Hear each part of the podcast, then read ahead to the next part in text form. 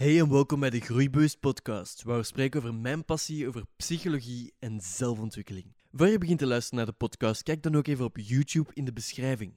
Hier zullen je verschillende tijdstippen vinden, waardoor je naar de onderwerpen kunt gaan die je wilt zien. In deze podcast waren we in het mooie Brugge bij Pepijn thuis, bij Pepijn Vermeulen. Hij is een zanger en gitarist en speelt bij de band Wasted 24-7. En daarnaast is hij ook een blogger op zijn blog peptalksblog.com. Daar deelt hij zijn inzichten over het leven en ik ben er zeker van dat die ook jou gaan inspireren. Ik had een heel grote voorbereiding gemaakt voor deze podcast, maar eigenlijk hebben we maar een klein deel besproken en zijn we heel diep gegaan op het wereldbeeld of ons referentiekader. Nu, wat is een referentiekader of wereldbeeld. Dit is het beeld dat we hebben over de wereld, hoe we denken dat hij werkt. En hierin spelen ook onze overtuigingen over onszelf, de groep waar we in zitten en de samenleving waar we in zitten. Het heeft ook een grote invloed op ons leven. Het bepaalt wat we opmerken in de wereld en welke kansen we zien. Daarom is het belangrijk dat we ook bewust worden van dit wereldbeeld en hem bewust kunnen inzetten. Want zoals Mihaly Csikszentmihalyi, de schrijver van Flow, zegt, je aandacht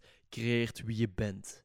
En dit bepaalt wat je ziet wat er dan weer voor zorgt dat je aandacht creëert wie je bent. Dit is eigenlijk permanent zo'n cirkel die elkaar versterkt. Als je iets gelooft of een overtuiging hebt, zie je dit telkens weer opnieuw. En dus zal je ook meestal de persoon blijven die je bent. Daarom is het belangrijk dat we controle nemen over dit wereldbeeld en bepalen wat we willen zien. Want dit zorgt ervoor dat we kunnen bereiken wat we willen bereiken.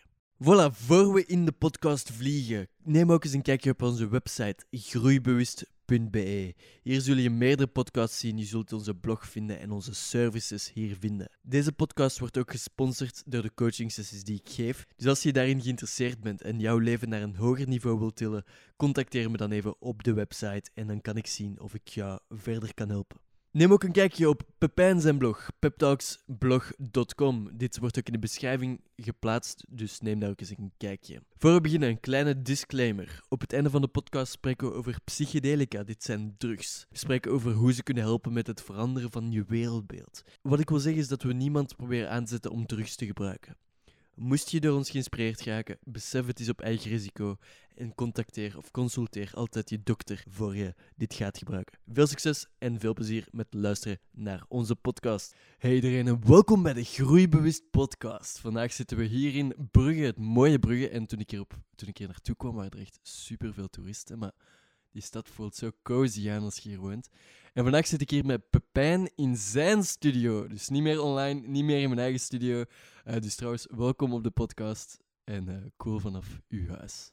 Dankjewel en dankjewel voor de thee.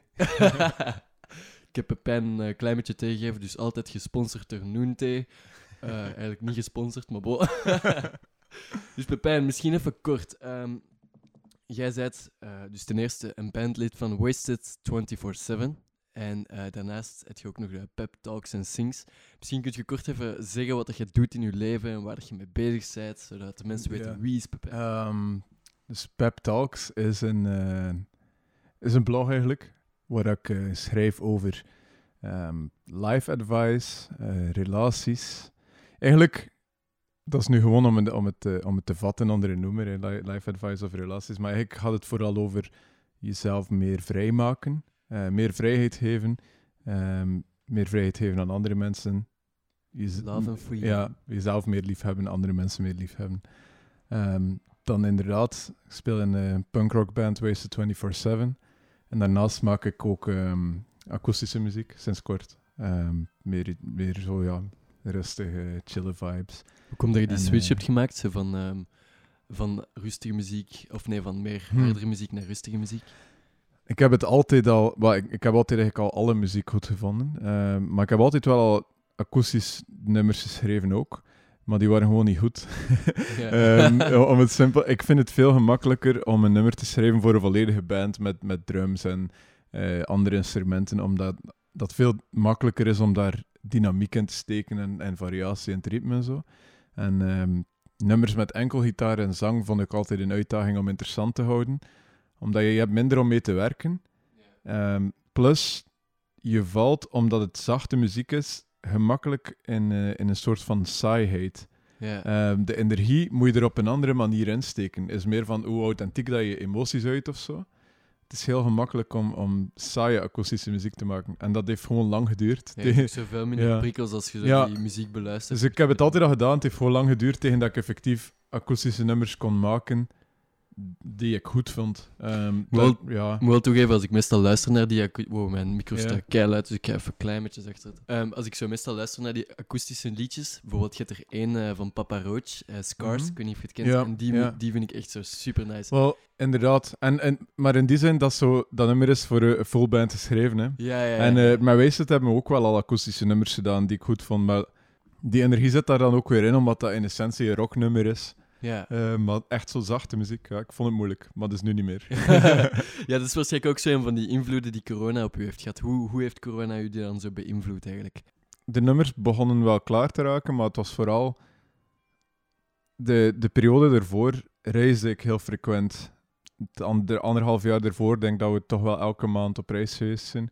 En dus corona hebben we van begin heel serieus genomen, de lockdown. Eh, zelfs niet met vrienden afgesproken en zo. Wow, zo zot. Dus ehm, ik had gewoon super veel tijd.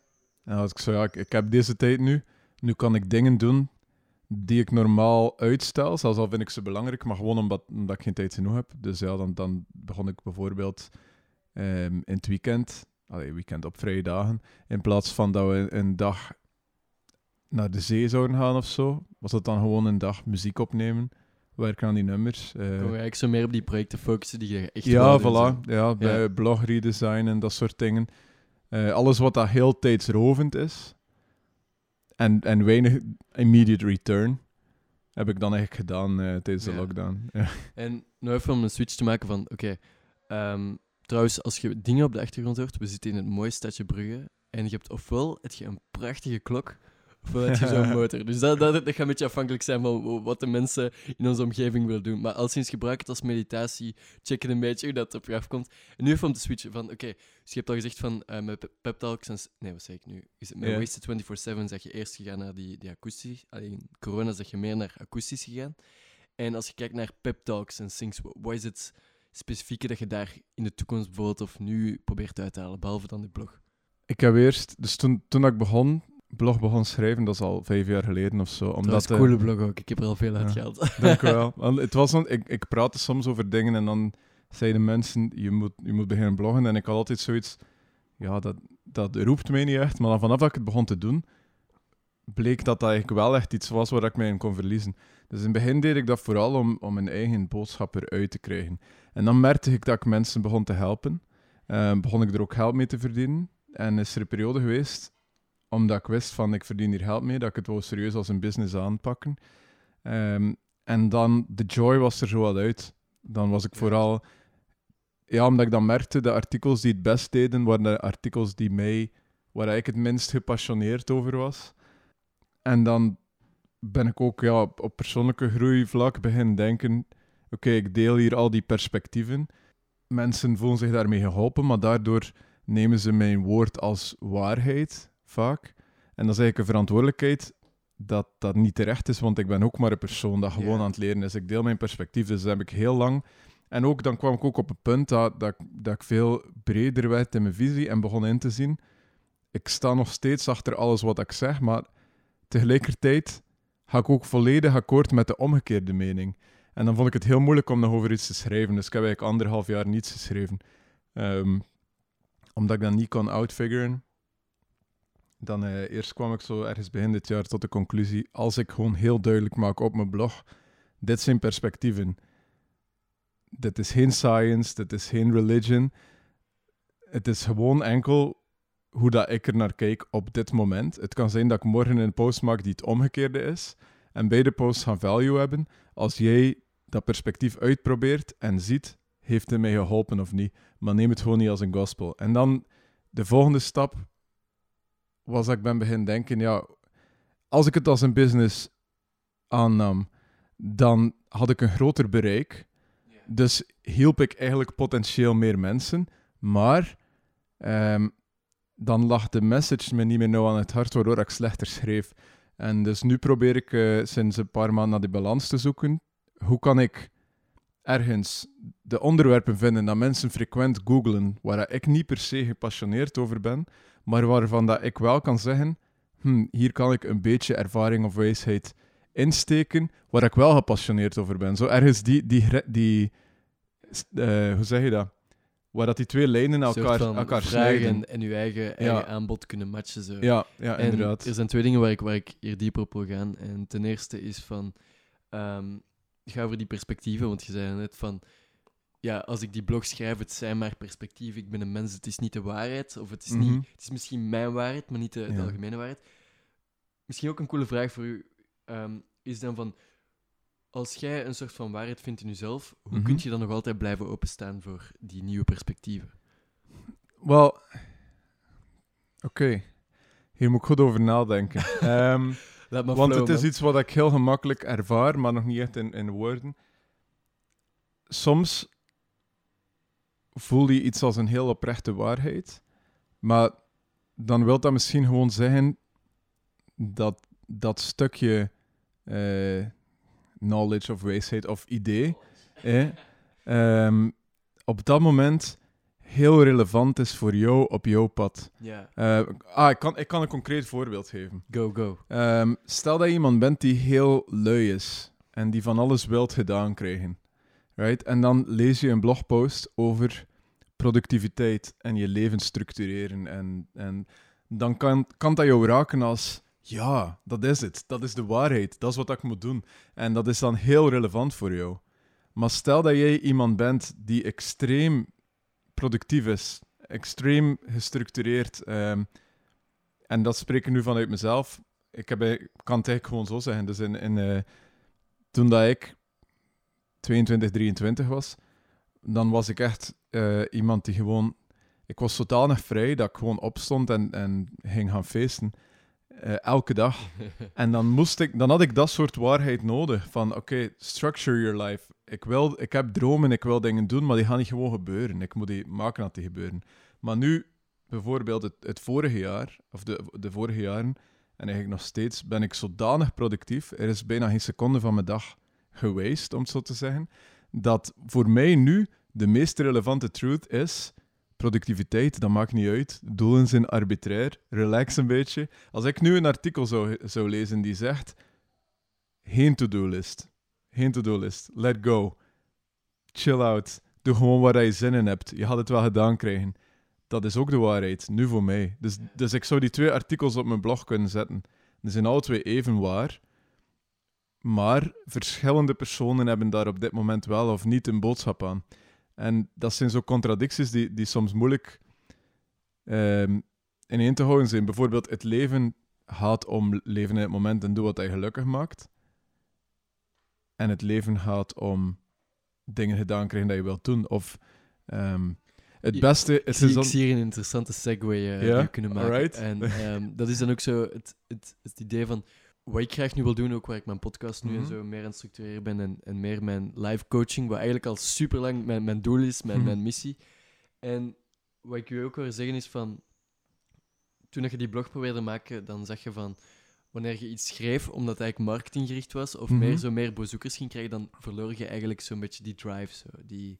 ja, die- de connectie met, connectie. met de, met de Hoe kunnen we er eigenlijk voor zorgen, denk je, dat, dat als we kijken naar de doelen die we moeten bereiken, naar de missie die, die we willen leven, hoe kunnen we die afstemmen op hetgeen wat onze passie is? Ik denk vooral, de vraag is, van, van waar komen je doelen? Wat, wat is je Wat is onderliggende... de intentie? Zo? Wat is Ja. je onderliggende motivatie? En dat kan soms heel diep gaan. Ehm, als je zegt, ah, mijn doel is om een vaste relatie te hebben aan het einde van het jaar. Of om, eh I don't know, mijn maagdelijkheid kwijt te raken of zo. van waar komt dat? Is dat, is dat een gebrek aan liefde? Ehm, van waar komt je doel om iets bepaald te bereiken in de wereld? Is dat omdat je het gevoel hebt dat je niet goed genoeg bent? Is dat omdat je indruk wil maken op anderen? Mm. Indruk op jezelf? Negatieve Omdat je- zo, ja. Omdat je je ouders wilt Ja. tevreden stellen?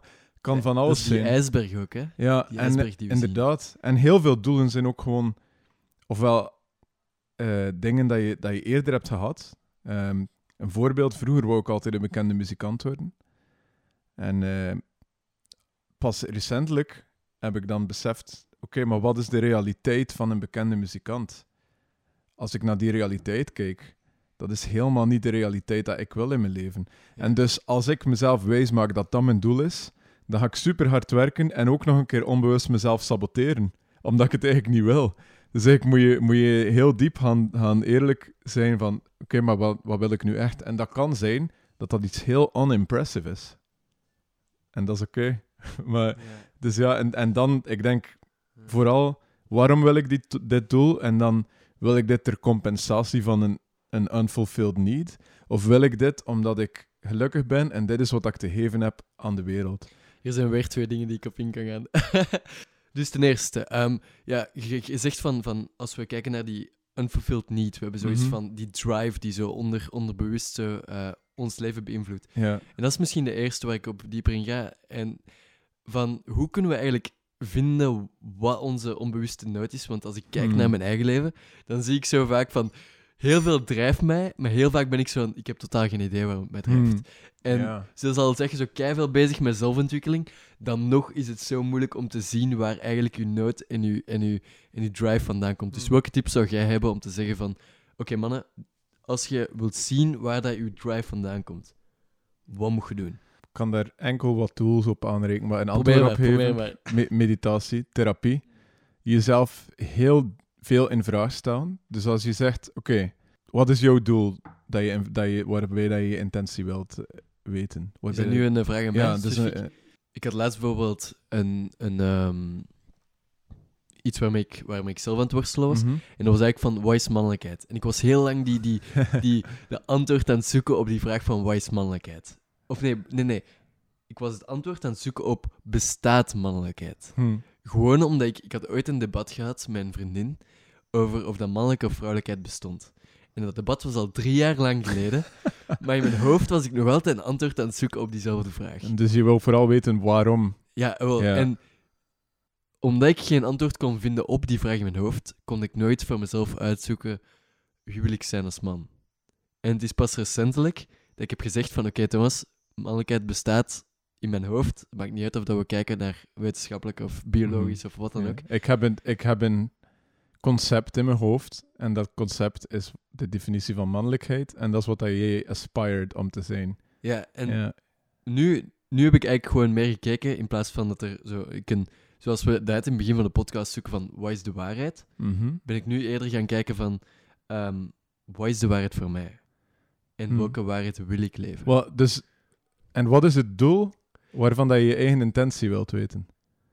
Je wilt eigenlijk vooral weten waarom dat je je afvraagt wat dat mannelijkheid is? Of- ja, en dat was eigenlijk Ja. die intentie, was dan, was dan zo dat debat. Mhm. En dat heb ik kunnen loslaten, die intentie Ja. heb ik kunnen Maar loslaten. de waardoor vraag ik- is er nog. Ja, en nu, nu ben ik, kan ik eindelijk dealen met die vraag Ja. van wie wil ik zijn als man? En, eh, ja. En er zijn, er zijn dieper en diepere lagen. Eh, ik, heb een, ik heb er zelf een idee van, maar ik wil er geen judgment op plakken. Dus de vraag is: Go, go. Oké, de- het moment dat jij onomstotelijk, dat, dat iemand stelt dat God bestaat en, en God komt gewoon aan, hij belt aan je deur en hij zegt, Thomas, kijk, je hebt hier lang genoeg op zitten wachten, ik geef je hier gratis de definitie van mannelijkheid. Shit. Wat zou dat doen voor jou? Wat zou, wat zou, dus je hebt dan die informatie, de quest is, je hebt, je hebt de definitie van mannelijkheid, zwart op wit, no questions asked. Wat zou jou dat geven? Ik zou sad zijn, man. Weet je waarom? Waarom? Omdat ik zelf niet heb kunnen zoeken en zelf niet kunnen... dat is... Wacht. Eh, interesting. Dus ehm, als ik kijk naar mijn verleden ook, dan zie ik ook vaak... Mijn ouders hadden altijd een bepaald perspectief. Mhm. En ik heb heel lang gezien van, dat is de waarheid. Maar het is pas recent dat ik zo heb gezegd van, wow... Of ja, een paar jaar geleden. En dat ik dacht van... Oké, Thomas, eigenlijk moet je zelf eens zoeken naar de waarheid. Ja. En het geeft mij veel meer voldoening om zelf te zoeken en zelf een antwoord te vinden. Sweet. Dus, Ja, dus eigenlijk wil je niet per se de definitie van mannelijkheid hebben, je wilt de definitie van mannelijkheid zelf vinden. Oké, Ja, dus stel, exact. stel dat je die definitie zelf vindt, wat zou jou dat dan geven? Je hebt hem zelf gevonden. Wel, op welke manier zou je jou dat fulfillen? Wat zou jou dat geven? ik denk dat het gewoon met heel veel duidelijkheid zou geven. Mhm. Duidelijkheid van, oké, kijk, dit is wie ik ben. En of het dan nu de komende tien jaar nu zo is, of, of, of een jaar of zo, Mhm. Dat geeft me gewoon heel veel duidelijkheid van wie ik op dat moment ben. En als je die duidelijkheid niet hebt, wat voel je daar dan bij? Een zoektocht. Dan voel ik zo alsof ik aan het zoeken ben. Zo, Een ik- unfulfilled. Ja, Ja, oké. Wow, ik voel hier een mega coaching sessie. Nee, maar inderdaad, dus eh, eigenlijk, dat is zo het proces dat je door zou kunnen gaan. Dat je constant Zo cool. Bij elk, we hoeven dat nu niet te doen, want dat is niet interessant voor de luisteraars Nee, nee, per se. nee. Tenzij, maar ja, jullie kunnen dat nu niet commenten, dus helaas. Eh, maar dus op die manier question ik mezelf vaak, oké, ik heb hier nu een antwoord. Eigenlijk, Reverse engineer dat eens. Probeer eens die stappen zo eens Ja. uit te leggen. dus eigenlijk, ik wil iets. Waarom wil ik dit? Oké, jouw eerste laag was bijvoorbeeld, ik wil dit debat kunnen winnen eigenlijk. Oké, je laat daarvan los. Stel dat ik dat debat gewonnen heb, wat geeft me dat dan? Misschien zekerheid dat ik gelijk had. Oké, dus eigenlijk wat ik wil is gelijk hebben over mannelijkheid. Ehm, dan vraag je, oké, wat zou mij dat geven? Wat zou mij dat geven? En eigenlijk ga ervan uit dat 99% van de antwoorden dat je krijgt van je eigen mind niet de diepste laag zijn.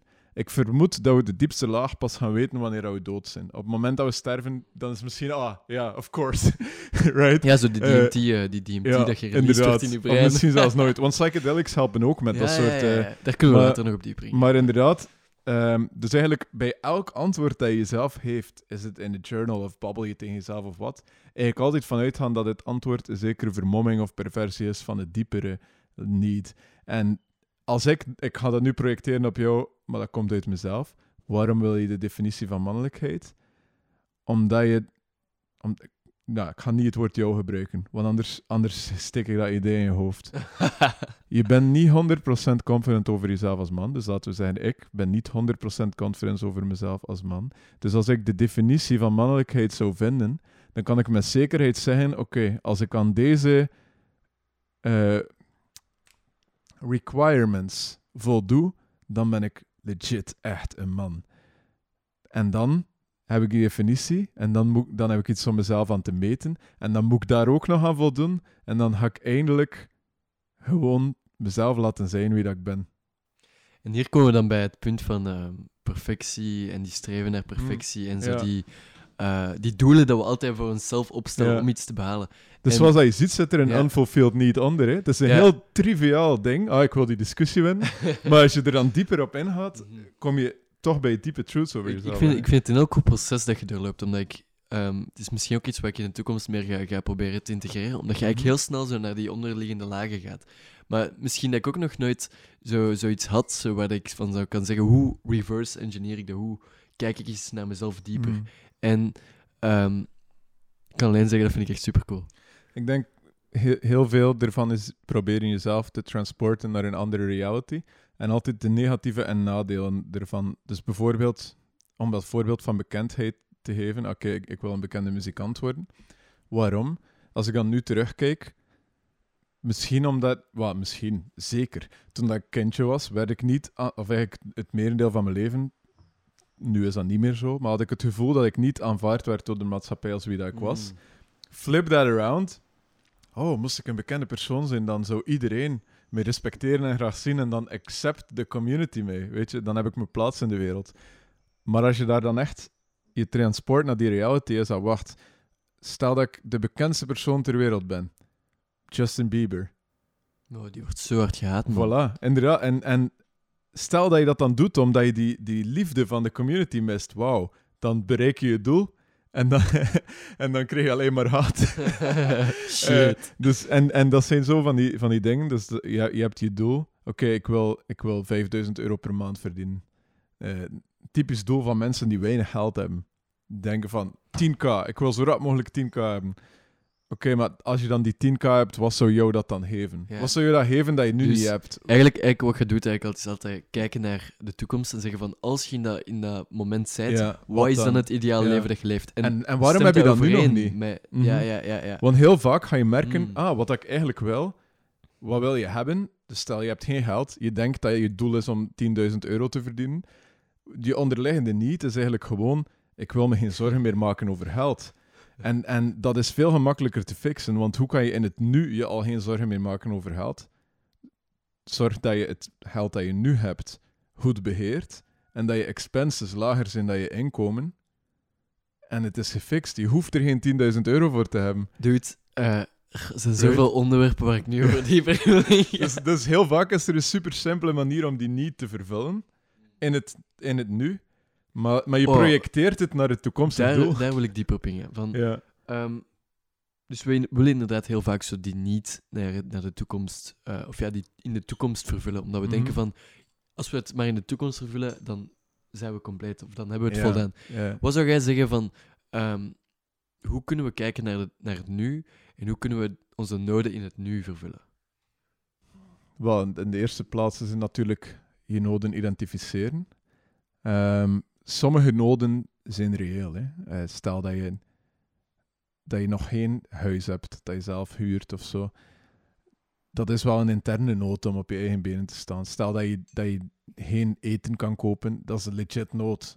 Get a job, make sure you, you have Dus food. Misschien een verschil dat we kunnen Ja, maken tussen... Verdien geld, niet per se, Ja. job. Ja, Je hebt, die, je hebt het verschil dus eigenlijk tussen zo van die... Dus je hebt die piramide van Maslow Ja, altijd, hè. ja Dus inderdaad. de, de, de ehm, overlevings, overlevingsdingen Mhm. die altijd naar beneden zitten, dat zijn wel uw noden die echt super duidelijk zijn, waar niet te veel ja, vraag naar zitten. Maar als we zo hoger op gaan op die dingen, dan zitten er vaak die andere dingen. Zoals je zegt van, ehm, ik wil die muzikant worden.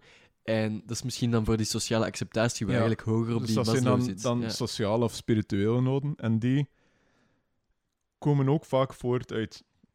Ik ga het woord trauma gebruiken, maar in een lichte vorm. Iedereen heeft trauma van zijn childhood en zo. In relatie met je ouders, dit en dat. En eh, soms is het ook gewoon dat je, dat die pijn daarover nog niet gevoeld hebt. En dat je eventjes moet voelen. En dan, ja, bijvoorbeeld als je echt denkt van ik kan niet gelukkig zijn zonder vrouw.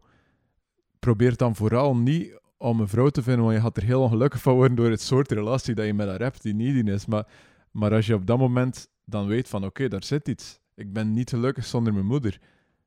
Gotta, gotta find a way to love myself, to feel fulfilled zonder. En dan, op dat moment, kan je weer verder. En dan, eigenlijk veel van die noden. En, en ja, sociale acceptatie heeft, heeft ook vaak met de manier hoe dat jij naar jezelf kijkt in de wereld. Ja, Bijvoorbeeld, want wij zijn altijd de, de, Ja. oordeler van onszelf. ja, ja, inderdaad. En hoe weet je dat de rest van de wereld jou niet accepteert? Dat is, dat is een oordeel dat jij velt over hun reactie tot jou. En misschien, En hoe laat je dat oordeel los? ja, en misschien creëert jouw oordeel wel de reacties. Ja. Als jij jezelf niet accepteert en dan, en dan loop je rond in de wereld en iedereen ziet van dat is iemand die zichzelf niet accepteert, waarom zouden wij dan die persoon in high esteem moeten houden? Als, hij, als hij zichzelf niet eens graag heeft. Dus eh, nu komen we bij dat punt van, ik had ook in mijn voorbereiding gemaakt Mhm. van het referentiekader. Dat we Ja. eigenlijk zitten met, we hebben deze, deze overtuigingen over de wereld. Ja. En ehm, wat zou jij als tip geven van hoe kunnen we die overtuigingen zien en hoe kunnen we die, hoe kunnen we eigenlijk overtuigingen integreren die meer Mm. satisfying zijn met wie we willen zijn in deze wereld? Ja, dat is een moeilijk... eh, Je stelt al de vragen waar ik, waar ik niet zeker weet als ik daar een antwoord op heb. Voel Maar, eh, gewoon, voel gewoon. En ehm, dat, is net zoals, dat is net zoals het perspectief op je blog. Dit is een Ja. perspectief, mannen. En Het moeilijkste is... Oké, stel je hebt een bepaald wereldbeeld, right? Dat wereldbeeld bevestigt zich in alles dat je ziet. Als jij denkt, de wereld is fucked up, mensen zijn fucked up, society is fucked up, stop met het nieuws te kijken, potverdorie. Ja, maar waar, waar dat je ook kijkt, je, gaat Sorry, je vindt altijd bevestiging voor je wereldbeeld. Dus dat zijn fundamentele assumpties dat je hebt over de realiteit. En ehm, omdat die zo fundamenteel zijn, is dat heel moeilijk om dan ook in de eerste plaats te erkennen dat je een wereldbeeld hebt, of dat je dat soort Mm, assumpties hebt. ja. right? Iedereen heeft het, als cultureel. Ehm, als je, ja, ik, eigenlijk zou je bijna niets van wat dat je gelooft 100% als waar moeten zien. Zelf niet de dingen dat je denkt gemeten te hebben. Want Is dat, dat niet fucking moeilijk? ja, inderdaad. En daarvan komen die, want je hebt die assumpties nodig, omdat de realiteit super complex is. En, als je niet Mm. dat soort base assumptions maakt, dan moet je brein zoveel informatie processen dat je Ja, oververmoeid bent. En Sowieso. dus vandaar patronen. Hè. Ah, eh, ik ben drie keer in elkaar geslaan eh, door een Marokkaan, dus Marokkanen zijn slecht. Right? En dat is niet Maak waar. maar een vergelijking trouwens. hè. ja, dat is niet waar, hè? Maar, maar dat is gemakkelijk voor je brein. En dit is een heel herkenbare, ik geef het als voorbeeld, omdat de meeste mensen kunnen zien, ja, maar die persoon is daar aan het generalizen. Dat is niet waar. Ik ken veel Marokkanen die niet slecht zijn. Maar dat soort assumptions hebben we over van alles in de wereld. Ja, O- over over eh, politici, over de media, vrouwen, mannen, onszelf, dieren. eh, over de nature of reality, over, over hoe dat het leven werkt.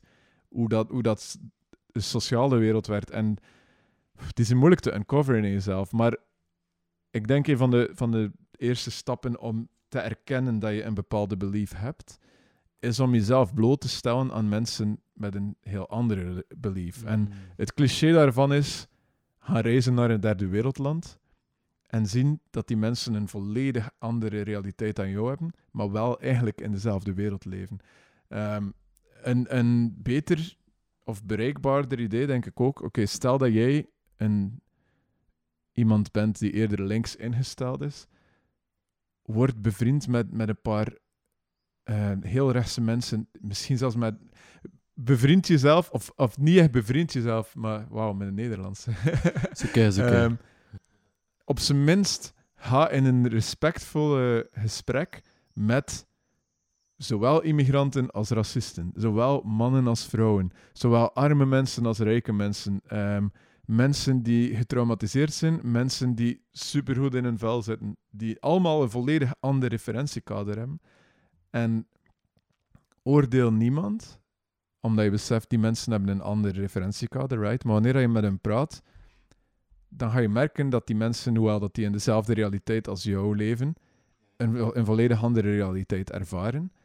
En dat hun gedachten, gedrag en emoties voortkomen uit dat wereldbeeld. En dan kan je misschien ook beginnen zien dat dat bij jou zo is. En waar dat je die contrasten ziet. En dat begint aan de oppervlakte. Bijvoorbeeld iemand die, die rechts stemt, die heeft een wereldbeeld dat, dat voor die persoon ervoor zorgt, ja, de wereld heeft dat meer nodig, meer structuur, meer... Iemand die links stemt, denkt dat de wereld minder onderdrukking, meer vrijheid nodig heeft. Maar het is dezelfde wereld, exact dezelfde wereld. En ze hebben Mm. alle twee gelijk in hun Ja, realiteit. dat is Ja. ook het interessante van... ehm, in de huidige tijd is er vaak minder plaats voor debat. Je Mhm. hebt dan zo die cancel culture, die... eh eh, bijvoorbeeld sociale media, waar mensen een bepaalde opinie uiten en dan heel hard worden zo gejudged voor hun opinie. Ja. En ik vind het wel interessant wat je zegt, want ik denk ook wel dat het een, een noodzakelijke vooruitgang is die we moeten maken in deze wereld. Dat we eigenlijk Mm. dat debat kunnen voeren, dat we kunnen zijn met mensen gewoon en kunnen praten over Ja. hun visie. Want ik merk, ik heb vrienden die heel rechts zijn. Ik ben, even voor de, voor de, de disclaimer, ik ben wat meer links en tussen, tussen economie en links gezien. En ik zie heel vaak als ik praat met die, met die vrienden van mij die heel rechts zijn, ik kom over 80% van wat ze Hmm. zien overeen. Tenzij dat je denkt, die mensen zijn fout. Exact. en het is pas vanaf dat je kunt dat idee loslaten, dat je eigenlijk ook in dat, in dat gesprek kunt gaan. ja. En daar wil ik dan ook gaan challengen. Ik heb ook links gestemd, bijvoorbeeld. Oh, disclaimer, maar ik ben niet links. Nee, ik Snap kan ik mezelf ook niet op één ding plaatsen. Ja. Inderdaad. Want vanaf dat je op dat moment jezelf gaat definiëren als dit is mijn mening, dan sta je eigenlijk niet meer open voor enige evidence die je mind verbreedt.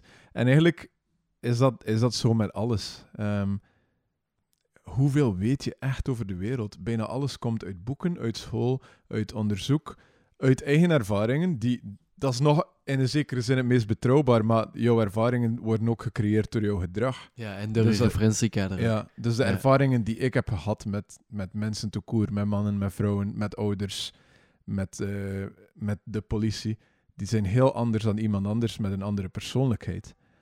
En dus zelfs daarvan, eigenlijk ja, het is, je hebt die assumpties nodig om, om de realiteit te navigeren op een minder vermoeiende manier, maar eigenlijk zou je ze moeten behandelen als, oké, ik ben me er heel bewust van dat dit de mentale kleren zijn die ik Ja. vandaag aan heb. En, En die kan ik loslaten. ik heb een vraag voor u dan. Stel, want het principe in spiritualiteit is vaak van bij enlightenment, je moet al je overtuigingen loslaten totdat je Mhm. bij het volledige bewustzijn komt.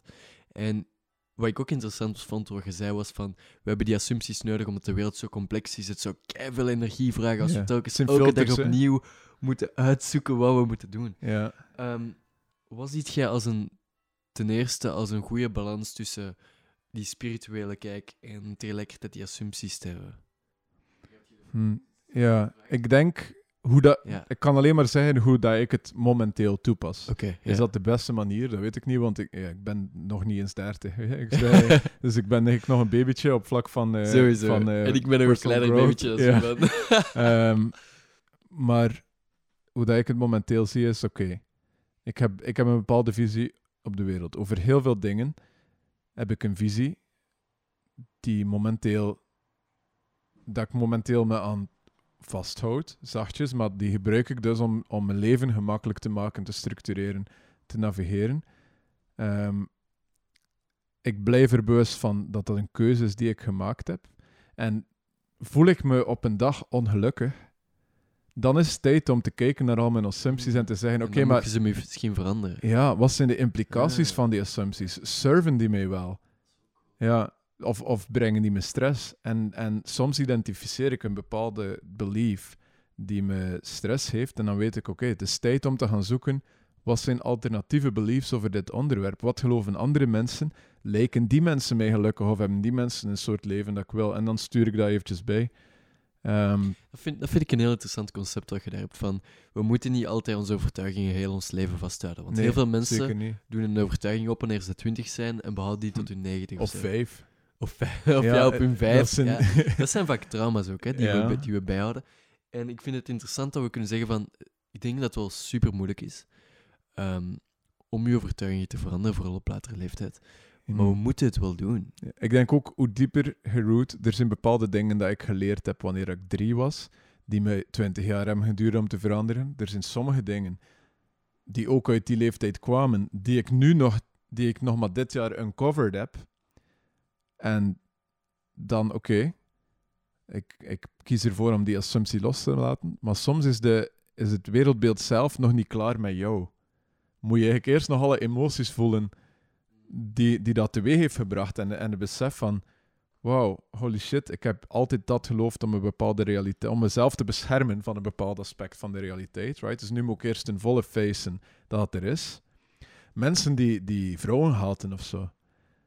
Ja, je kan ervoor kiezen om, om dan, of mannen haten, hè. je kan er dan voor kiezen om die niet meer te haten, maar dan moet je eerst wel een hele hoop hurt aan jezelf toegeven, dat je nog moet verwerken en zeggen, oké, ik, ik heb altijd mannen gehaat of vrouwen gehaat om dit gevoel bij me weg te houden, omdat het te zwaar was om te voelen. En ik, ik kan ook dan echt perfect zien waarom dan mensen echt bij hun belief blijven. Omdat als je, zegt, als je zelf zegt van je moet eerst door die pijn gaan om die nieuwe emotie te, of die nieuwe perspectief aan te Mhm. nemen, dan kan ik echt inzien waarom mensen dat niet doen. Dat En kan zoveel pijn doen. Het hangt er ook vanaf. Hè. Sommige beliefs zijn heel gemakkelijk om over te nemen, omdat ze immediately een, een high reward geven. Hmm. Als je weet van, ah ja, eh, als ik dit geloof, dan wordt mijn leven super gemakkelijk. En als je daar echt een, een short-term return van krijgt, ja, dan, dan wa- ga je brein dat gemakkelijk opnemen. Dat is ook wat Want- vaak die zelfontwikkelingsgasten zo Ja. zeggen van deze is het belief dat je moet aannemen om je succesvol te voelen. Ja, en daar, daar, zit, je soms, daar zit je soms met een, met een issue van, eh, het con- ken je concept spiritual bypassing? Nee, uit. Dus dat is eigenlijk een bepaalde. Je, had, je moet door een bepaald proces gaan om te groeien. En bijvoorbeeld boeken over, over enlightenment of. eh, Hmm. vaak presenteren die concepten die, naar mijn oordeel, waar zijn. Maar de mensen die dat schrijven, die zijn ook wel eerst door een volledige journey geweest om daartoe te komen. En op dat moment leest soms iemand dat boek en hem zo, ja, dat is het. Het is allemaal gewoon bliss and love. En dan neem je die belief aan op een superficial level, maar je hebt de journey nog niet gemaakt. Hmm. En dus die belief dient dan eigenlijk om, om je trauma's te coveren. Zo, de eh, Wout, ken je Wout? Die had, Tuurlijk, ik vriend Wout. van ja, eh, Yo, had- als je luistert naar deze podcast, deze is post, voor eh, u, man. Hij had ooit een meme gepost en dat is good vibes only. Right? Mensen, good vibes only. En dan neem je het masker van een smile weg, zet daar zo een halve smile, neem je dat masker weg. En zo na tien lage maskers zijn dat de meest ongelukkige mensen op de wereld, omdat die eigenlijk heel het proces van ongelukkig naar gelukkig overgeslaan hebben en daar gewoon een, een beliefje op geplakt hebben. Eh, dus ik weet, ik ja, weet nog eh, dat ik ook door dat proces ben gegaan. En ah, ik ben waarschijnlijk nog altijd door het proces aan het gaan. Zo. Maar ik weet nog de eerste keer dat ik geloofde dat ik zo die spirituele meer, kant Mm. meer opging. Dat ik echt was van, ik wil niemand in mijn omgeving die negatief is Mm. en eh, die, die, ehm, die mij naar beneden haalt. En je stuit dan ook direct al je vrienden weg omdat ze zijn van, oh, die is te negatief. Maar tegelijkertijd zie je ook die oordeel in jezelf nog altijd. Mhm. Dus het is heel erg zo die afstootsen van je Ja. eigen overtuiging. Wie is er dan eigenlijk negatief? Ja. right? Maar, maar in jouw hoofd is zo van, nee, want ik ben gelukkig, maar ja, is zo, ja, dat is niet waar, hè? Want ik heb een negatief oordeel over iedereen en ik Mm. doe een weg. En ik denk ook van, het is vaak als je zo'n belief aanneemt, het is heel vaak zo. Je moet zo die nuances leren kennen. Je moet leren zien wat echt de, de overtuiging is die je wilt aannemen. En daarnet, het kwam zo mij zo precies binnen alsof het zo'n soort van: jij zet de plant en het water stroomt zo binnen. En vanaf dat je de eerste keer het, het belief hebt aangenomen, dan is het de eerste druppels die op de grond komen. Maar het moest zo door de bodem sijpelen voor je wortels het echt kunnen opnemen. zo. Ja. En zo, zo denk ik ook dat die, dat gaat met die overtuigingen van... We nemen iets aan van de spiritualiteit en het moet door ons gaan en jaren dat we daaraan werken en denken... Ah nee, het is misschien toch wat dat wat hij bedoelde. Ja. En, en inderdaad, en je leest het concept, maar je moet ook nog die experiential. Evidence vinden. En ehm, je kan jezelf brainwashen tot een belief, maar eigenlijk is het, oké, hier is een, is een belief dat niet werkt. Dan is het tijd voor mij om daarin te gaan graven en te gaan zoeken. Oké, van waar komt de belief? Ehm, vind ik bewijs, betrouwbaar bewijs van het omgekeerde belief? Niet jezelf gewoon constant affirmen of zo, maar eh, twee boeken die, die mij heel veel geholpen dan om een positief wereldbeeld te maken. Zijn totaal geen self-development boeken. Welke Eh, boeken zijn het? eh, Sapiens Ah, ja, ja. ja. ja, ja. vond ik een heel objectief en ehm, factfulness. Dat is een boek. Dat boek Heb ben je dat boek al lezen. gelezen? Ja, ik ben Super. het aan het lezen. Ja, Het ja. moment dat ik dat boek las, dan dacht ik, wow, dat is nog maar twee jaar geleden. Mijn wereldbeeld was zoveel negatiever dan dat ik besefte. Omdat, omdat ik gewoon als kind constant hoorde van de mensen rond me. Mijn ouders die, die links zijn. ehm, mijn, mijn leerkrachten. Zo van, ah, er is te veel overbevolking, er is te weinig eten, het gaat slecht in alle landen. En als je dan dat boek leest en dan zie je die, die statistieken, dan denk je van, wow, Ja, van, van dan 95% of zo. Ja. Van, ik ben niet helemaal zeker over deze Ja. Dat 95% van alle landen of zo uit de, de zware armoede zijn Ja. geraakt of zo. Als een boek, als Ja, een boek. ja. Eh, En het cool, de coolste insight van het boek... ah, ik ben letterlijk eh 30 pagina's verder, dus ik, Ja. ik, kan, ik kan niet zeggen hoe dat boek volledig is. Ja. Maar het coolste wat ik vond, was dat eigenlijk alle statistieken heel interpreteerbaar zijn. Ja. Het is afhankelijk van hoe dat je hem ordent, dat je Mhm. kunt kijken van deze is, van deze is wat de echte realiteit is. Ehm, Ja. Great book, niet per se daarover. Het is een boek van een Belgische schrijver. Ehm Oogklepdenken van Ruben Mers. En eh, dat boek heb ik heel lang geleden gelezen. Maar eigenlijk, het gaat over ehm, logical fallacies, over biases en over hoe dat statistieken manipuleerbaar zijn. En ook hoe dat het heel gemakkelijk is als mens om de verkeerde conclusies van statistieken te Mm. trekken. En als je dat dan leest, dan begin je ook wel te merken van oké, dit is super interessant en zelfs de meest wetenschappelijke publicaties hoef ik daarom niet als een bewijs te zien. Want, want wetenschap is ook een proces. Het is, het is een proces van zoeken naar de waarheid, maar het is niet omdat iets gepubliceerd wordt als een onderzoek met duidelijke resultaten. Dat wil niet zeggen dat die resultaten daarom ook in de omgekeerde richting bewijzen dat wat dat ze proberen te bewijzen zo Ja. was. En, ja. Wat je vaak ook ziet eh, bij wetenschap... Trouwens, even disclaimer. We proberen hier niet wetenschap weg te halen. Nee, Wetenschap is echt een van de beste dingen. Ja. de beste uitvindingen die er is. Beter dan geen wetenschap, for sure. Nee, wat ik wou zeggen was eigenlijk van... ehm, als je meestal kijkt naar wetenschap en wetenschappelijk onderzoek, altijd in de kern van het onderzoek gaat je een overtuiging hieronder zien. Je gaat altijd zien van... Dit is de overtuiging van de wetenschapper en hoe hij zijn onderzoek heeft ge- opgebouwd. En dat is het ook. Hè. Het be- Het begint met een hypothese, die Ja. dan geprobeerd bewezen te worden eh, op een manier die repliceerbaar is door andere onderzoekers, zodat als er genoeg testen gebeuren, dat we kunnen zeggen, momenteel verandert deze hypothese in onze hangbare theorie over de realiteit. En eigenlijk wetenschap is een heel mooi voorbeeld van wat ik daar net over praatte, dat het wordt door, door de algemene persoon, wordt wetenschap als de waarheid gezien. ja. Maar wetenschappers zelf, eigenlijk leven die daarmee. hè. Wetenschappers zeggen, ik heb deze assumpties over de wereld, die zijn waarschijnlijk waar, maar als ik aan een assumptie begin te twijfelen, dan wordt het tijd om te gaan testen. En wetenschap is een proces van mensen over de wereld die constant een basic assumptions over reality in vraag stellen Mm. en testen. super, super nice. Dat is eigenlijk gewoon dat proces. Ik denk Ja. dat ik geen tijd zou hebben om mijn hele wereld aan één concept te spenderen en wetenschap te doen. maar tegelijkertijd vind ik het wel cool. Ehm, de beste wetenschappers zijn ook zo de mensen die kunnen zeggen van... Oké, deze is mijn overtuiging, maar eigenlijk over deze, deze, deze, deze, deze, deze en deze weet ik geen bal. Hmm. En die zijn daar zo honest in, die kunnen zo zeggen van... Damn, Daar, daar zeg je ook iets nice dat ik denk dat meer nodig is in de wereld. Eh, ik- zeker bij mezelf ben ik daar ook aan het werken, omdat ik iemand ben die vaak. Ehm, al, ik heb al over heel veel nagedacht en onderzocht. En dan probeer ik in, gesprekken merk ik dat ik dan soms wel mijn punt maken van. "Ah Ja, nee, ik vind dit. Maar eigenlijk probeer ik om zoveel mogelijk mezelf nu te herinneren van. Ja, in heel veel gevallen, zelfs al vraagt iemand jou concreet naar een antwoord, het is oké om te zeggen dat je het niet weet. Want over de meerderheid in de wereld weet je toch niets. Dus waarom, waarom probeer je jezelf overtuigen dat je het wel weet? Ja. In de vorige Ja. podcast had ik die, live had ik die ehm, stress- en burn-out coach op de, op de episode. En ik vroeg op een bepaald moment een, een vraag waar ik dacht van oké, die gaat er sowieso een antwoord op, op stellen. En zei me ook van, ja, dat is eigenlijk iets waar ik eh, het niet over weet. Maar imagine dat, dat de politiekers in debat dat gewoon durven zeggen Ja. tegen elkaar van let's be honest, we weten het niet. Het probleem is dat de meeste mensen, als je dat zegt, gaan Ja. kijken naar u en gaan zeggen van, Die volg ik niet meer. die volg ik niet meer. Ja. Die heeft, die, ik kan niet vertrouwen op zijn idee, want hij weet het toch niet. Ja, En ja. Wat, wat, zou, wat zou in uw ogen een, een mooie, mooie ehm, de ideale wereld kunnen zijn waar dat mensen dat kunnen zeggen? Of, of wat zou er nodig zijn voor mensen om dat te kunnen doen? Dat weet ik niet.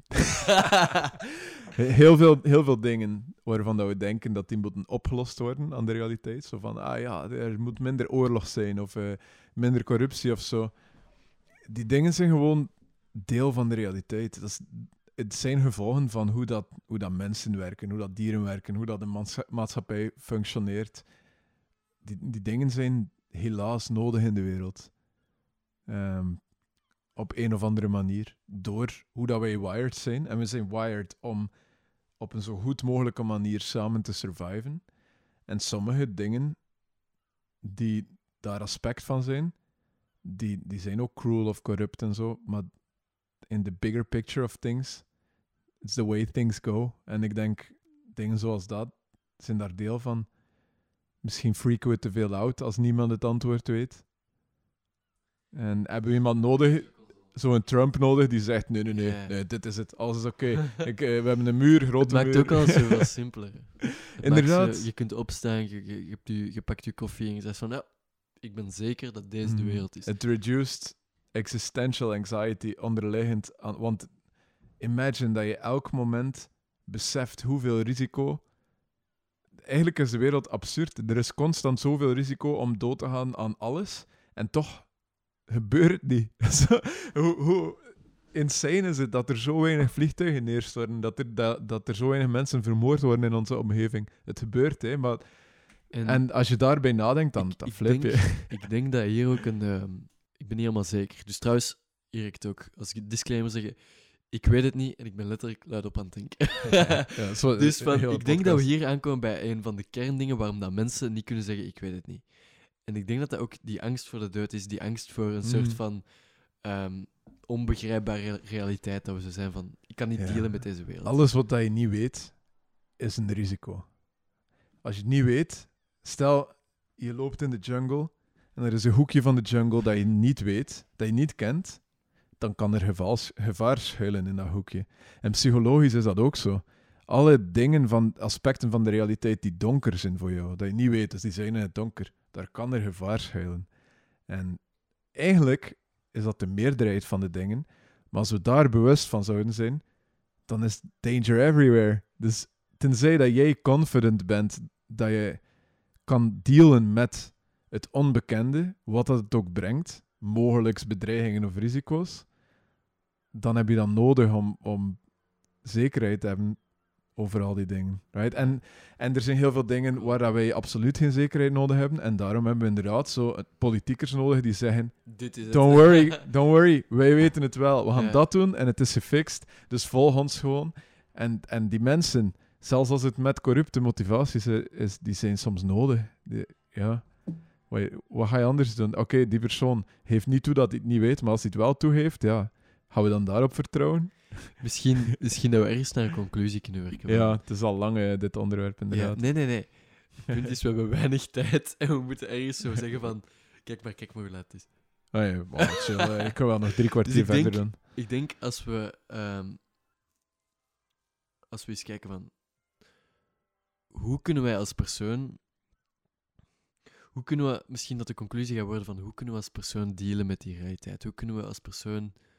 ehm, dealen met onze overtuigingen in een goede manier. Als we daar een conclusie naartoe kunnen werken, zoiets. En probeer een beetje te voelen wat er op je hart ligt, man. Aan de ene kant denk ik, train jezelf in leven met uncertainty. En eh, ik heb er een blogpost over gemaakt, een tijdje geleden, over Ik ga die linken Ja, in de... In de think how to, how to deal with uncertainty. En dat is vooral voortgekomen uit het feit van, kijk, had je een half jaar geleden gedacht, oh ja, ik moet voorbereiden, want volgend jaar is er corona en dan ben ik mijn job kwijt en eh, de economie en dit en dat. Nee, dus alles is fundamentally onzeker. Morgen kan, kan alles collapsen. Dat zal waarschijnlijk niet zo zijn, maar het kan. Er kan opeens oorlog zijn. En dus train jezelf mentaal om met onzekerheid om te gaan en vooral met onzekere situaties. Misschien steek jezelf meer in iets, situaties die als een risico of een onbekend. Het perfect voorbeeld is, eh, is gaan spreken met vreemden en niet weten hoe dat die reageren. Goed om, om je ability om met het onbekende te dealen om te gaan. Ehm, reizen zonder plan. Ehm, dat soort dingen. Eh, projecten beginnen waarvan je totaal niet weet. Eh, risico's nemen misschien. Berekende risico's, maar, maar toch proberen daarmee durf om dus te meer risico's te nemen. gewoon. Ja, dit, En- dit staat ja. trouwens allemaal absoluut niet in die blogpost. Nee, nee, nee. dus Maar- heel veel en- shit dat ik nu zeg, maar ik denk dat dat wel iets is. En het andere is altijd bewust blijven van het feit dat je huidige wereldbeeld De kleren zijn die gedraagt. die kleren zijn die je draagt. Ja. Wauw. En ik denk dat dat ook een van... Ik denk dat dat één van de zekerheden... eh, wacht. Een van de, dat zijn twee van de zekerheden waar je 100% zeker over kunt zijn. Eén, dat je altijd die kleren van je re- referentiekader draagt. Je altijd dat wereldbeeld bij je hebt. En Mhm. twee, dat is denk ik hetgeen waar dat je het meest zeker over kunt zijn, is dat alles veranderbaar is, alles verdwijnt. Mhm. En je kunt nooit zeker zijn van, van iets of van wat er gaat gebeuren in de Ik toekomst. denk ook, ervaring is, eh, is een great teacher. hè. Als je de mensen die ik ken, die zo het, het, het chillst zijn in hun, in hun energie, dat zijn vaak niet de mensen die, die al een half jaar zitten te mediteren in een grot. Dat zijn mensen die al veel in de shit gezeten hebben. Die al veel keer eh, gevochten hebben, eh, bestolen zijn, in een ander land zaten waar dat ze ergens niet wisten hoe ze terug thuis konden geraken. Ehm, die, die met wilde dieren te maken hebben gehad. Die misschien eh, in national security werken. Die mensen hebben een, een chille vibe. Omdat die, die hebben al vaak oog in oog met onbekenden gestaan. En je merkt, oh wacht, ik ben een mens. Ik ben hier biologisch voor gemaakt. Om, om, eh, op die momenten weet ik, ah ja, ik weet misschien niet, oh, ik heb in een boek gelezen, in deze situatie moet je dit doen. Nee, instinctief heb ik een bepaalde reactie gedaan. Was die productief of niet? Geen idee, maar ik heb het overleefd. En de volgende keer was mijn reactie weer een beetje, een beetje sterker. Ik ga, ik ga er zelf Ja. nog iets op toevoegen. Ehm, twee jaar geleden heb ik, twee jaar denk ik, heb ik ayahuasca en salvia gedaan. Mhm. En honestly, ik was nooit prepared om dat te zien. die psychedelics, ehm, die shaken je wereldbeeld tot, tot in de fundamenten van je core. En nu twee jaar later, ik heb... De laatste keer dat ik, dat ik een psychedelic heb gedaan was, was gisteren. En gis- maar wel, gisteren heb ik gemicrodosed. ah ja, dus niet, geen trip. Nee, geen trip. Eigenlijk gemicrodosed. Ja. En ik denk, ik ga, ik ga pas binnen een jaar of zo terug klaar zijn om mijn, mijn, mijn realiteit nog eens uit te shaken. Maar ik denk, en ik ga hier wel voorzichtig zijn, mensen, psychedelics zijn altijd heel, heel ah, zijn, ze, ze hebben een bepaald gevaar, maar ook een bepaalde opportuniteit om je wereldbeeld te shaken. En ik denk dat als je eens echt wilt dat je ehm, je wereldbeeld volledig shakt, probeer eens psychedelics. Maar tegelijkertijd, ja. wees heel voorzichtig. Ik, eh, ik heb ook... ik vind het mooi wat hij daar zegt. Ah, ik heb dat gedaan en nu wacht ik minimum een jaar. Mijn ervaring is, en dat is geen advies, maar ik deel hier mijn ervaring op, maar inderdaad, omdat afhankelijk van, je, van jouw psychologische make-up kan het zijn dat een simpele drug als weed al een negatief effect op je heeft, of alcohol. Mijn, naar mijn ervaring, de meeste drugs zijn awesome. Maar je moet daar heel verantwoordelijk mee omspringen. De meeste mensen kunnen dat niet. En inderdaad, je doet, je doet het, je exploort de fundamenten van je realiteit of van je zelfbeeld. Eh, je leert heel veel bij, maar dat shakt je psychologisch door elkaar. En dan weet je, een perfect voorbeeld, iets wat ik heel graag doe, is MDMA. Ik haal daar altijd heel veel psychologische growth uit. Maar op die dag zeg ik dan ook wel, oké, nu, nu wachten we wel vier, vijf, zes maanden vooraleerst dat we dat nog een keer doen. En dan is het ook niet dat ik na die, na die zes maanden sta te springen van joepie, ik mag terug. Nee, uh, het, moment, het moment dat dat zich aandient en ik denk, hm, nu zou ik hiervan benefitten. En, en daar zit ook heel veel zelfkennis in. Als iemand bent die lichtjes psychotisch aangelegd is, doe absoluut geen psychedelics. En eh, ik, ik doe bijvoorbeeld ook geen alcohol. Ik, ik zie daar... ik heb daar, kunnen we, daar kunnen we voor een podcast... enkel negatieve... ja. maar ik ga nog vlug even iets zeggen. Van, um, ik weet nog dat ik die psychedelics heb geprobeerd en dat ik twee jaar lang echt heb zitten struggle daarna met mijn wereldbeeld. Het integreren van alles wat je gezien hebt. En, ja, uh, mijn wereldbeeld was volledig vernietigd. Ja, en dan en wacht even. Ja, en ik heb, ik heb twee jaar lang moeten teruggaan naar het moment waar ik nu ben. Dus nu ben ik, ik denk ik zes maanden, zeven maanden geleden heb kunnen zeggen van, wow, kijk, ik voel me terug deftig. Want ik weet nog dat ik bepaalde momenten echt op een stoel zat en dacht van, what the fuck is this? Waarom zit ik hier? en, maar ik merk wel, hetgeen wat ik, het belangrijkste, wat ik, twee belangrijke dingen dat ik eruit heb geleerd, is van, één, ik ben blij dat ik een fucking brein heb. En ik besef hoe, hoe kwetsbaar mijn brein is. En twee, ik besef ook van als ik mijn realiteit shake, ik kan er altijd terug uit geraken. Ik kan terug hmm. altijd mezelf opbouwen. En dan, dat is uh, in die zin die confidence en omgaan met het onbekende. Exact. Ja. ja. Vanaf dat je iets meemaakt dat je, dat je fuckt met je hoofd, of met je wereld, of... en je bouwt jezelf terug op, het, het gevoel van, kijk, ik kan morgen overreden worden. Hmm. En dan ik kan mijn benen kunnen geamputeerd worden enzovoort. Maar daar zit ook een nuance in. Ja, in het feit, je hebt twee jaar de tijd gehad om dat te integreren. Belangrijk. Maar dat komt ook omdat je nog student bent en dus de vrijheid had om dat te doen. Ja, ik had tijd om dit te doen. Je hebt toch wel een levensstijl nodig die, die toelaat om dat te integreren. Het is mm. niet dat je, dat je zondagavond LSD doet, de maandagochtend terug gaat werken en dat, en dat je dan die psychologische groei hebt. Nee, dan heb je gewoon extra stress op je, op je systeem. dus hij wees super voorzichtig dus, met ja. Maar ik denk, de belangrijke conclusie die we hebben is van... Um, wees, probeer die onzekerheid op te zoeken op sommige vlakken. Dat hoeft niet te zijn dat je psychedelics gaat proberen. Maar dat kan zijn dat je zo die kleine dingen doet, zoals dat je zegt van... Spreek met mensen die je totaal niet kent of die een mhm. ander wereldbeeld hebben. Ga mediteren, check je eigen uh, perspectief aan. Besef dat je gewoon die fucking kleren hebt van je wereldbeeld. Mhm. En wees ook bereid om die soms los te laten. Mooi samengevat. Ja. En um, ik denk van als je het allemaal integreert, dat je een veel sterker persoon gaat worden. Echt waar. Ik vind, uh, ik vind het wel een interessante ervaring om hier uh, op je podcast te zitten. Um, dit zijn geen dingen waar dat ik bijvoorbeeld in het dagelijkse leven over spreek. Maar dan. Doordat, dat, doordat je... Je hebt een bepaalde voorbereiding gedaan en dan... Dan inderdaad vraag je aan jou brein, ja, wat denk ik hier nu eigenlijk over? Of analyseer je, hoe heb ik dit gedaan? En uh, ja, nu hoor ik zo mezelf dingen zeggen dat ik denk, hm, ik heb hier nog nooit echt over gedacht of geschreven, maar het is wel... dat je best wel veel weet. En het is dus als, als luisteraar naar ons eigen gesprek voor mij interessant, en dan hoop ik dat dat voor andere mensen ook zo is. uh, indien niet, is het interessant voor mezelf om, om dit samen te ervaren. Want het punt is, als ik, als ik uh, deze podcast mee opneem, eigenlijk, ik heb wel de hoofd...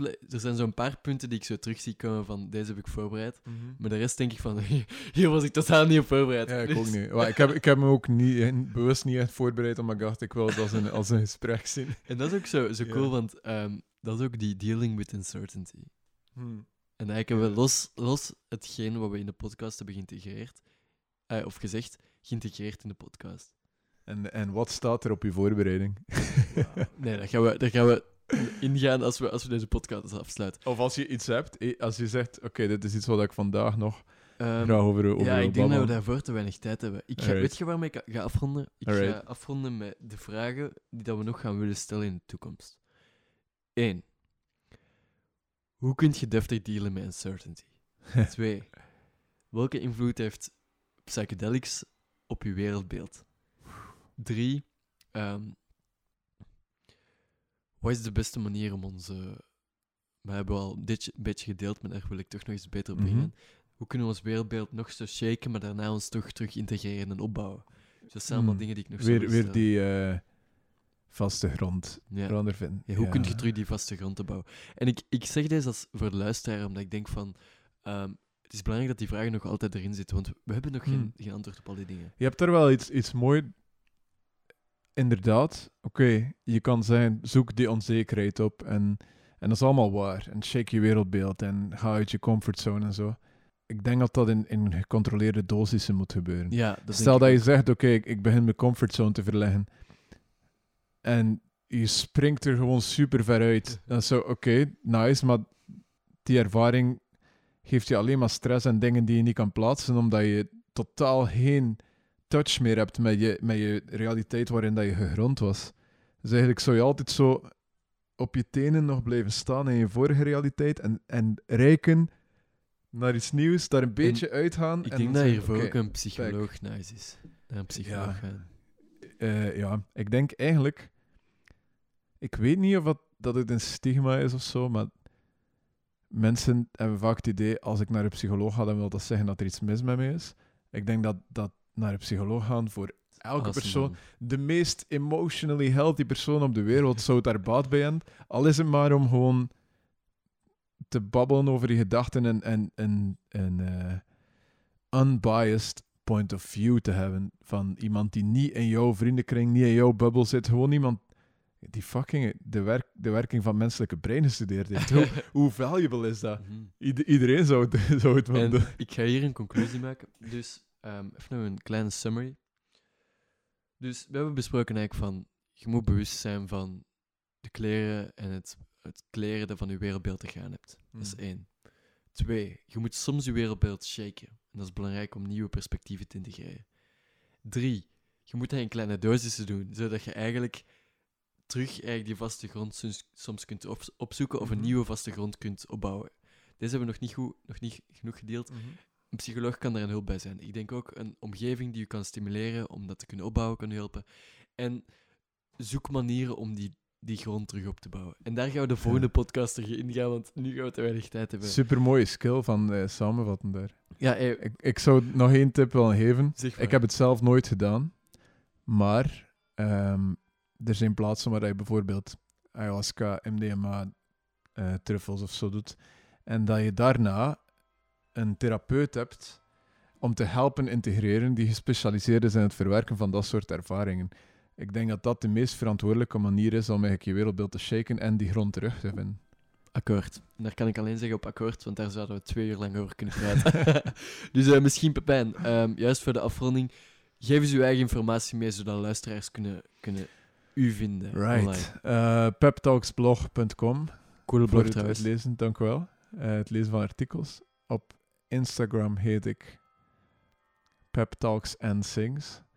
Daar staat soms zo wat kleine content op, eh, quotes of zo. To be honest, ik ben daar nog wel aan het uitwerken. Ehm, Wasted Ja. 24-7 ook op eh, Spotify. Spotify, Ook, ook ja, opchecken. that's it. En ik vermoed dat we wel in de toekomst nog een podcast doen voor... Doe eh. Er zijn veel te veel vragen die onbeantwoord zijn. Dus we moeten wel. dus trouwens, bedankt om hier te zijn. Eh, bedankt Wow, dat ik ik woon hier. zijn. bedankt dat ik deze op mocht nemen in uw huis. Ja, met plezier. Ik vond, ik vond het leuk. ik vond het echt, Eh, ook, ik vind het ook super het nice. zou ook cool zijn om, eh, om een keer een omgekeerde podcast te doen. Waarbij dat ik... Zo, ik eh, op uw podcast? Zoiets? Ik heb geen podcast. eh, Ja, als je een podcast maakt. ja, maar- of het kan onder jou nou, maar dat ik vragen eh, aan jou eh, stel. podcast. Dat eh, zou cool is dat al gedaan? Misschien kan je dat doen met Eh, meerdere is- gasten. Dat is nog Zo, nooit gebeurd. Gasten die jij geïnterviewd hebt. Om het, en die mij het vragen stellen. Right, die dan jouw vragen stellen en dan, dan komt jouw eh, levenservaring ook naar voren. Dat zou cool zijn. Maar misschien moet ik dat ook gewoon integreren in de podcast. Maar Ja, bon, we gaan afronden. Ehm mannen, ga ook eens naar de Groeiboost website, zodat jullie ook eens kunnen checken. Misschien dat daar ooit een blogartikel van Pepijn op, op verschijnt. Wie weet. Hint, hint. Ik wil het wel doen. ja. En ehm, ik wens jullie allemaal nog een heel fijne dag. Hopelijk is jullie wereldbeeld nog niet te veel geshaked vandaag. En hopelijk kunnen jullie het na deze podcast terug opbouwen. Dus dit was Thomas, eh, samen met Pepijn in Brugge. Hopelijk horen jullie nu de klokken. en geniet van deze moment. Bye bye. Bye bye.